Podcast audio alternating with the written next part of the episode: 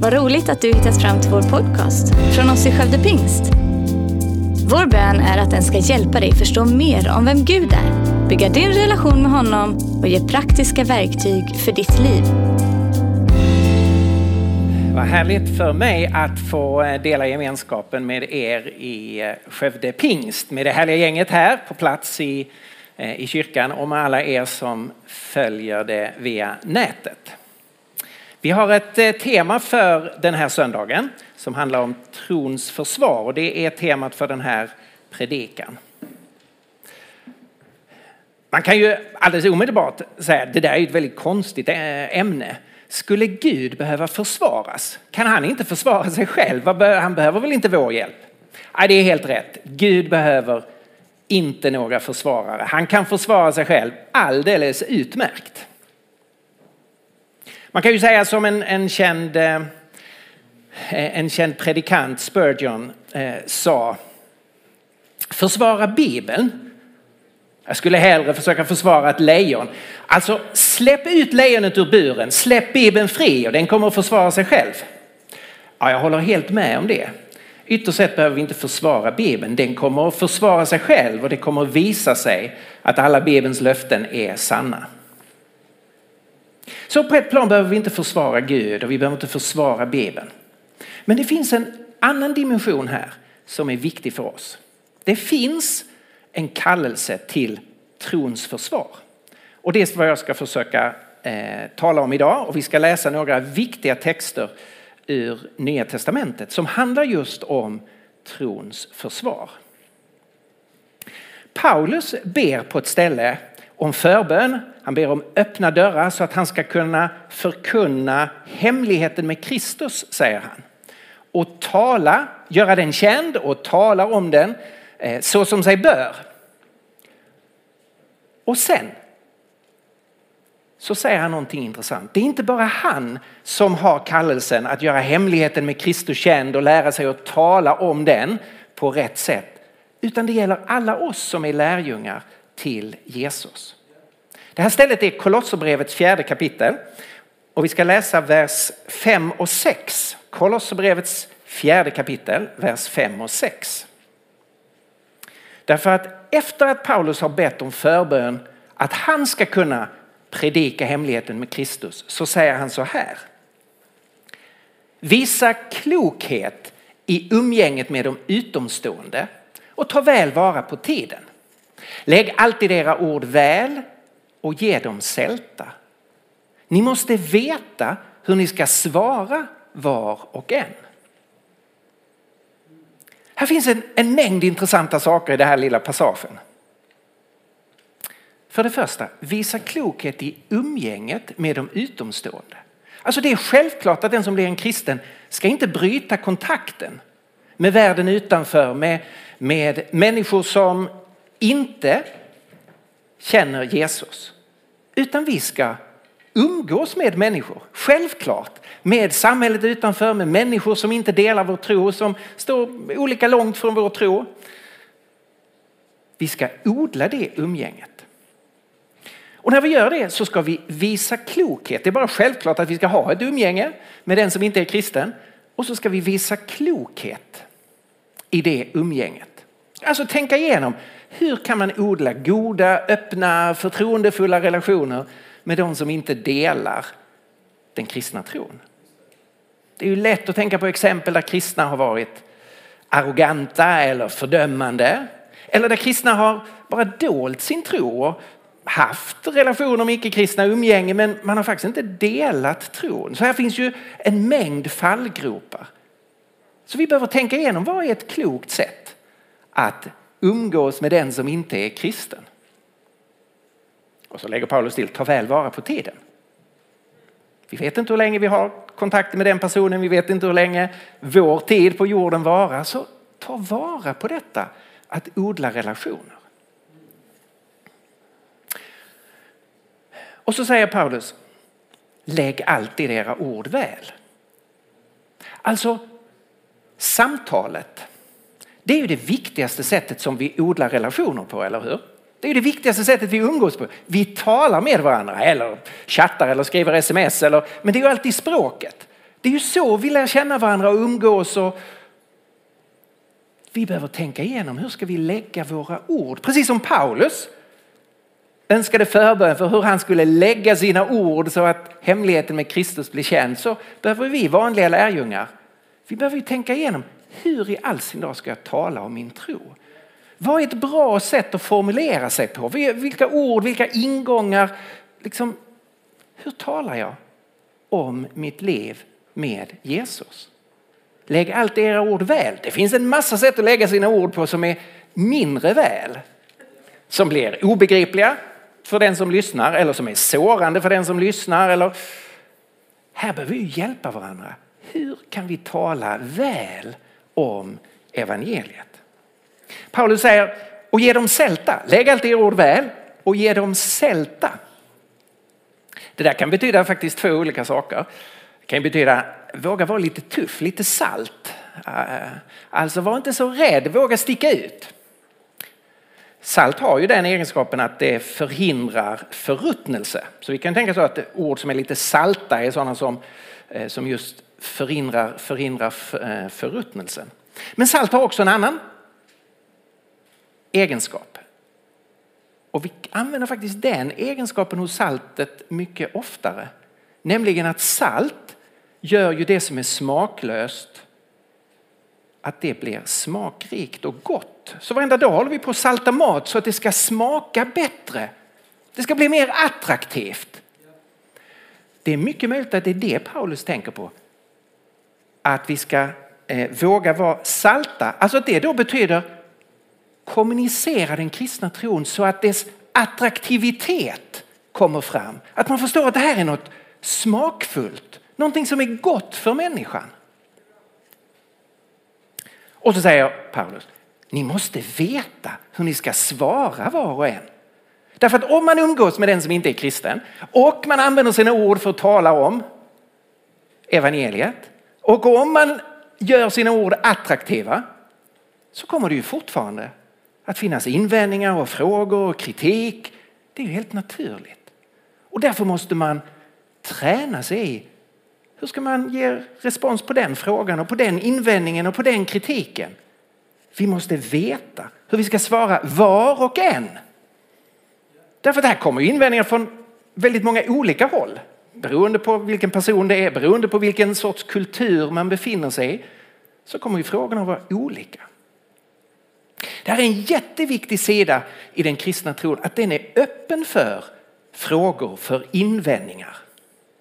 Vi tänker efter vem som har skrivit det här. Paulus. Han var en person med invändningar. Han var helt övertygad ursprungligen om att Jesus kunde inte vara den utlovade Messias. Han var övertygad om att den kristna rörelsen var falsk och den var farlig därför att den förledde Guds folk in på helt fel väg. Och han valde ju att ta till de grymmaste medel för att stoppa den här rörelsen. Så snacka om kritiker.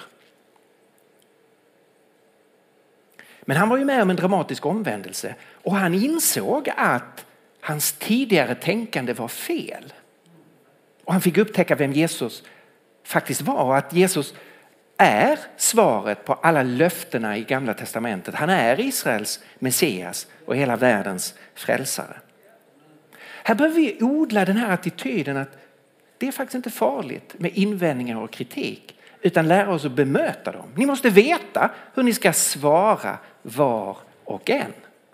Så ni ser, här finns ett utrymme för trosförsvar. Gud klarar sitt försvar själv. Bibeln kommer slutgiltigt att försvara sig själv. Men vi människor i våra relationer, här har vi som lärjungar en kallelse att hjälpa människor att upptäcka vem Gud är och upptäcka att Bibeln är relevant och har meningsfulla saker att säga in i våra liv. Det här var väldigt viktigt i den urkristna rörelsen. Och vi ska läsa ett annat bibelställe som förklarar ytterligare vad detta med trosförsvar är. Och då ska vi gå, inte till Paulus, utan till Petrus. Första Petrusbrevet 3, vers 15 och 16. Där står det så här. Men Herren det är Kristus ska ni hålla helig i era hjärtan. Var alltid beredda att svara var och en som kräver besked om ert hopp. Men gör det ödmjukt och respektfullt i medvetande om er goda sak så att det som talar illa om ert fromma liv i Kristus får skämmas för sitt förtal. Det här är ett jätteviktigt eh, eh, bibelställe. Var alltid beredda, säger Petrus, att svara var och en som kräver besked om ert hopp. Det som är översatt med svara här, där står det på grekiska apologia. Apologia. Det är därifrån vi har det svenska ordet apologetik. Det här ordet apologia i, eh, i grekiska så är det ett, ett ord som är hemma i domstolen. I den grekiska domstolen och i antikens domstol så eh, fanns det förstås en åklagare, precis som i en eh, modern, en modern domstol. Alltså en åklagare som sa Du har mördat Mr X. Och här är argumenten för att vi tror att du är mördaren. Och så presenterar åklagaren sitt case. Det kallades för en kategoria, att lägga fram sin anklagelse. Men sen fanns det förstås en försvarssida. En försvarsadvokat fick lägga fram vad som kallades för en apologia, alltså sitt försvar. Nej, jag har inte mördat Mr X. Vid tidpunkten för mordet befann jag mig tre timmars resa iväg. Jag befann mig där när Mr X mördades här. Och jag har så och så många personer som kan intyga att jag fanns där när Mr X mördades där. Så man la fram sitt försvar, sin apologia. Det är det här som är bakgrunden till apologetik, att försvara. Men det handlar inte bara om den juridiska situationen i en domstol utan att försvara sig rent allmänt. Och bredare än så faktiskt, inte bara försvara utan också svara för eller motivera någonting, argumentera för någonting. Det här är ett ord som finns 18 gånger i Nya Testamentet. Så det är återkommande att Jesus och apostlarna svarade eller försvarade sitt budskap. Och det är det som Petrus talar om här. Var alltid beredda att apologia, att svara.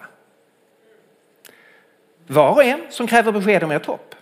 Notera hur brett och allmänt det här är. Var alltid, alltså det är inte en, en engångsgrej, var alltid ständigt, kontinuerligt, hela tiden. Var alltid beredda. Ska man vara beredd måste man ju förbereda sig. Så var alltid beredda att svara var och en. Vem som helst som ni kommer i kontakt med. Oavsett vilken infallsvinkel, kritik, fråga det är. Var förberedd. Gå i dialog med, med vilka de är som personer, hur de tänker, vad som ligger bakom den här frågan. Var och en som kräver besked om ert hopp. Hur kan ni ha det här hoppet? Hur kan ni ha det hoppet? Frågar ju kristna, natur, eh, frågar icke-kristna, naturligt oss som är kristna, att det finns en fortsättning bortom det här livet. Vet ni inte vad som händer när en person dör? Vet ni inte att en människas kropp bara ruttnar bort? Finns ingen fortsättning. Det är ju en vanlig kritik. Och då behöver ju den kristne motivera. Hur kan vi ha detta hoppet? Varför har vi det? Vad bygger det på? Om man läser första Petrusbrevet från början, det här var ett citat från första Eh, Petrusbrevet som jag har läst här kapitel 3. Om man läser det från början så har Petrus använt ordet hopp två gånger tidigare. I första kapitlet. Och då talar han om att vi har blivit födda till ett nytt hopp. Hur då? Genom Jesu uppståndelse från de döda. Där har vi förankringen till vårt hopp. Dödens makt är bruten och det är historiskt bevisat på en punkt i Jesus från Nasaret som Gud har uppväckt till ett nytt och förhärligat, oförstörbart, odödligt liv. Och nu inbjuds var och en som kopplar samman sig med Jesus att få ta emot precis samma liv. Det eviga livet. Och sen säger Paulus, eller eh, Petrus använder ordet hopp en gång till i, i, första, eh, i första kapitlet. Och då handlar hoppet om Jesu återkomst. Att Jesus ska komma tillbaka till den här världen och nedkämpa allt det onda och kasta ut döden ur världen och så ska allt bli helt igen. Så grunden för det hopp vi har, den grunden är Jesus. Och det är hans uppståndelse från de döda och det är hans återkomst i härlighet när han definitivt ska göra världen om intet. Och det är självklart, det finns ju en mängd frågor runt detta. Det är helt naturligt att vår kultur fortsätter ställa frågor och undrar hur hänger det ihop och så. Och då behöver vi förbereda oss, träna oss, hjälpa varandra. Hur talar vi om det hopp vi har? Så var alltid beredd att svara. Apologia. Som jag sa i inledningen av gudstjänsten här så är den korta definitionen av apologetik, av trosförsvar, det är förklara och försvara. Förklara och försvara. Det betyder att det finns alltså två dimensioner, två aspekter av detta att försvara den kristna tron. Det ena handlar om att förklara innehållet. Alltså vad är det vi tror på? Det här är ju ett växande behov. Om jag idag befinner mig på ett eh, universitet och talar om kristen tro och så använder jag ordet Gud. Då är det ju bara tre bokstäver, eller hur? På svenska. G-U-D. Och då kan jag som kristen så är det liksom självklart för mig vad betyder Gud? Ja, det ordet är ju fyllt med det, den bibliska beskrivningen av vem Gud är och vad han har gjort. Så min förståelse av ordet Gud, den är då färgad av vad Bibeln berättar om Gud. Och så var det ju för hundra år sedan. Då kunde du ställa dig upp i Sverige och säga Gud. Och de allra flesta människor hade ju en förståelse av det lilla ordet Gud som fortfarande var färgat av det som Bibeln säger. Men om jag idag ställer mig på ett universitet i Sverige och säger Gud så har jag ju ingen aning om vad åhörarna tänker på när jag säger Gud. För några är begreppet helt blankt. Det är helt tomt, de liksom bara famlar Gud.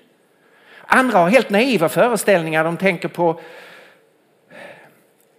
på fysiska gudar som Tor och Oden som våra förfäder dyrkade eller Zeus och Hermes i antiken, små eh, gudar.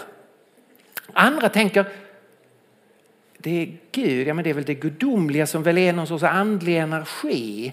Något opersonligt som finns liksom i djupet av allting. Ja, och det finns andra föreställningar om Gud. En mängd uppfattningar som ligger långt, långt, långt från det jag menar med Gud.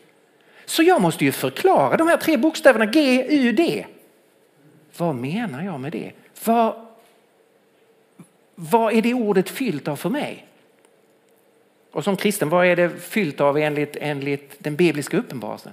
Ja, vi tror ju på en personlig oändlig Gud som har funnits av evighet och som är den som har skapat hela detta universum och som har kommit till oss i Jesus Kristus. En Gud som är tanke, som är kärlek, som är godhet. En Gud som söker oss och kallar oss till sig. Så, vi behöver förklara innehållet i vår tro. Och sen behöver vi försvara sanningshalten i den tron. Vad är det som talar för att man ska omfatta just den tron, ge sitt liv åt just den övertygelsen? Vad är argumenten för att tro på Jesu uppståndelse eller tro att Gud är en personlig Gud så som Bibeln beskriver honom? Det handlar om att motivera sanningshalten. Så här har ni apologetik, trosförsvaret. Att förklara innehållet och försvara sanningshalten. Det är vad apologetik handlar om.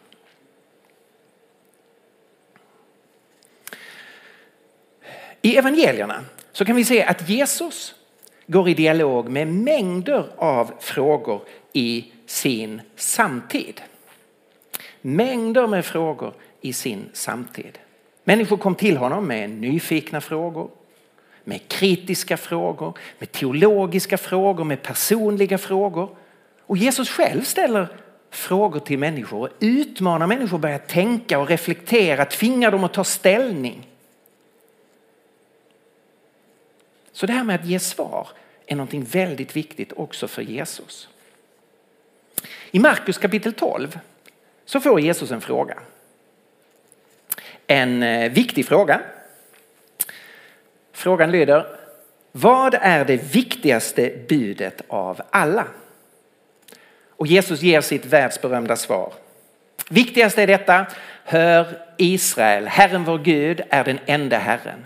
Och du ska älska Herren din Gud av hela ditt hjärta, av hela din själ, av hela ditt förstånd och av hela din kraft. Sedan kommer detta, du ska älska din nästa som dig själv. Något större bud än dessa finns inte. Det var en stor fråga i samtiden bland judarna. De hade ju räknat i gamla testamentet och sett att det fanns sammanlagt, om du tog alla förbud, gör inte så, och alla påbud, gör så här, så fanns det 613 bud. Det är väldigt mycket. Hålla reda på 613 bud. Kristna idag i Sverige blir ju nervösa om jag frågar dem om de tio buden. Så nu kan ni tänka er 613. Så därför var det här en, en stor fråga i Israel. Visst, allt det här är från Gud. Men om man ändå ska systematisera, det verkar ju som vissa bud är mer detaljregleringar av saker och ting, andra är mer stora principiella bud. Kan man göra en rangordning? Vad är det största? Vilka är de viktigaste buden? Och nu hade människor börjat få grepp om att Jesus verkar ha en alldeles osedvanlig insikt i skrifterna. Han verkar ha en vishet som går långt utöver det man hade stött på tidigare. Och då vill man ju självklart få Jesus svar på den här frågan. Vad är det största budet? Jesus, hur rangordnar du buden här? Och då svarar Jesus genom att ställa samman ett ord från femte Mosebok kapitel 6, det som är judarnas trosbekännelse. Du ska älska Herren din Gud över allting. Och sen ett ord från tredje Mosebok kapitel 19 och du ska älska din nästa som dig själv. Intressant. När Jesus citerar femte Mosebok kapitel 6, du ska älska Herren din Gud av hela ditt hjärta, av hela din själ, av all din kraft och av hela ditt förstånd. Så citerar han fel. Det är lite förvånande. Ja, du kan slå upp 50 Mosebok kapitel 6 så ska du se det står inte så som Jesus säger.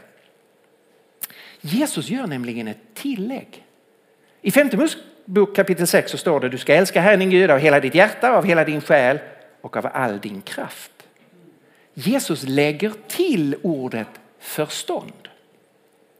Det är förstås inte att han gör det fel. Jesus vet exakt vad som står i femte Mosebok kapitel 6. Och själva poängen där är ju när det sägs ditt hjärta, din själ, din kraft. Det är ju att med hela din varelse, med allt du är, allt det som Gud har lagt in i ditt liv. Sätt dig i Guds tjänst. Älska och ära Gud med det du är.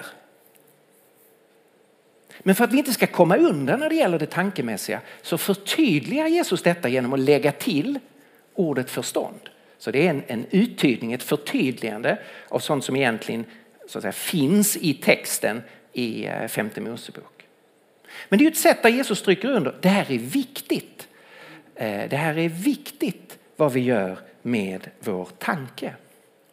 Här ska vi förstås inte spela ut hjärta och hjärna, känsla och tanke eller vilja och intuition och allt annat vi är. Vi ska ju hålla samman det här och sätta allt vi är i tjänst för Herren och i tjänst för människor. Och det inkluderar vår tanke. Om du studerar evangelierna så kan man notera en sak att Jesus förkunnar, han undervisar, han predikar. Men det finns någonting han gör mycket, mycket mer än det. Det är att han är i dialog med människor. Du kan öppna vilket uppslag som helst, vilken sida som helst i något av evangelierna och du hittar en dialog. Det är samtal hela vägen. Jesus verkar älska att konversera, att gå i dialog, att debattera med människor. Och han tar människors frågor på allvar. Intressant om man söker evangelierna så kan man söka på ordet predika och undervisa och, eh, eh, Eh, och, och, så. Och då ser man att det förekommer ett antal gånger. Söker du på ordet svarade eller ordet frågade så får du mångdubbelt fler träffar i vet, sådana här moderna bibelprogram där du kan få statistik och information om allt som finns i bibeln.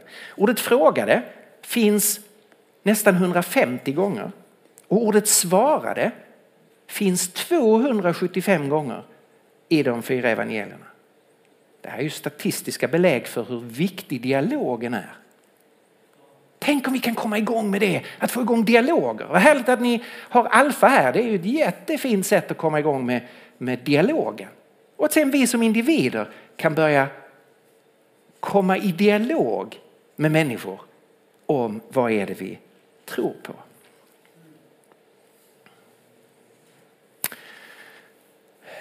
Låt mig återvända till Paulus. I Apostlagärningarna 17, och det är faktiskt alla apologeters favoritkapitel, det är där Paulus kommer till Aten och håller sitt världsberömda tal. Men vi ska inte gå in i det talet. Lite tidigare i Apostlagärningarna 17 så är Paulus i Thessalonike. Och där står det så här, Apostlagärningarna 17, vers 2-4. Till dem gick Paulus som han brukade. Under tre sabbater samtalade han med dem utifrån skrifterna och förklarade och visade att Messias måste lida och uppstå från de döda. Och han fortsatte. Den är Jesus som jag predikar för er, han är Messias. Några av dem blev övertygade och slöt sig till Paulus och Silas. Därtill kom ett stort antal greker som fruktade Gud och inte så få kvinnor av förnäm släkt. Här är jätteintressant att se hur evangeliet först kom till vår del av världen, till Europa. Paulus kommer till Thessalonike. Han går till synagogan och han är där flera sabbater i rad därför att det tar tid att förstå den kristna tron, att, att, att, ta till sig detta och processa det. Också om man är jude och har gamla testamentet, det är inte bara en sån liksom quick fix. Så Paulus är där flera sabbater och, och undervisar. Och när Lukas ska ställa samman vad var det Paulus gjorde så gör han det utifrån fem verb. Han beskriver Paulus verksamhet utifrån fem verb. Ett, han samtalade, eller som engelska översättningar har, he reasoned, han resonerade med människor. Han förklarade och han bevisade. Det låter som apologetik, eller hur? Förklara och försvara. Han förklarade och han visade att Kristus måste lida och uppstå från de döda. Och sen proklamerar han, predikar han det han har resonerat kring, han har förklarat, han har bevisat hur det är. Och så predikar han, proklamerar han det. Och det leder för det femte till övertygelse. Djup övertygelse hos människor som blir kristna och börjar följa eh, Paulus undervisning. Jag säger inte att detta är det enda sättet att förkunna. Eh, vi ska förkunna på alla möjliga sätt. Hela bredden ska finnas där. Men det är en svaghet om vi som Guds folk inte också använder detta sätt att förkunna som Paulus hade. Att resonera, att förklara, att visa hur detta faktiskt är. Och sen proklamera det och hjälpa människor att komma till djupa övertygelser. Här har vi en stor kallelse att bygga, börja bygga upp en ny sorts attityd och atmosfär i församlingen där detta blir självklart att man kan närma sig evangeliet också på det sättet. Låt mig sluta med att påminna om en känd scen i Apostlagärningarna. Eh, flera år efter att Paulus har varit i Thessalonike så sitter han fängslad i Caesarea. Han är felaktigt anklagad men han får en chans att presentera sitt case därför att den judiske kungen Agrippa och hans syster Bernice kommer på en officiell visit till ståthållaren Festus. Och Festus har inte begripit varför Paulus sitter fängslad. Han förstår sig inte på judisk teologi. Så han vill få hjälp av den judiske kungen Agrippa. Vi kan läsa om detta i Apostlagärningarna 26. Paulus får då hålla sitt försvarstal, sin apologia. Och i det försvarstalet så går han igenom sin historia, hur han har förföljt de kristna, hur han mötte Jesus på vägen till Damaskus och blev en kristen, hur han blev sänd av Jesus att förkunna evangeliet och sprida det över världen. Och så förklarar han vad evangeliet är, att Jesus har dött och uppstått för människans synd. Och när han kommer till detta att Jesus har uppstått så avbryts hela hans presentation av att Festus reser sig upp och ropar ut till alla de församlade Paulus, du yrar, din stora lärdom gör dig galen. Och då svarar Paulus, högt ärade Festus, jag yrar inte. Jag talar sanna och förnuftiga ord. Och sen går han igenom argument för Jesu uppståndelse. Men han hävdar alltså att den kristna tron är sann och att den är förnuftig. Det är vad apologetiken handlar om. Låt oss be. Herre, vi tackar dig för att du har gett oss ett ord, ett budskap som inte bara är en, en skön tanke utan som är sann och som är förankrad i historien och som faktiskt ligger i linje också med tänkande. Och här vi ber dig att du ska hjälpa oss att få djupa rötter ner i din sanning och att du ska hjälpa oss att bli människor som kan tala väl om det som du har gjort för oss och det som du är. Det ber vi om i Jesu namn. Amen. Tack för att du lyssnat. Dela gärna podden med dina vänner och glöm inte att prenumerera så du inte missar nästa predikan. Om du har några frågor eller vill att vi ska be eller tacka för något tillsammans med dig så får du gärna höra av dig till kyrkan skövdepingst.se. För oss är veckans höjdpunkt söndagens gudstjänst och det vore så kul att träffa dig där. Våra team finns då redo att ta emot dig och det finns även egna samlingar för barnen. Du hittar mer information om oss, vilka vi är och våra olika mötesplatser på skövdepingst.se. Gud välsigne dig och ha en fortsatt bra vecka.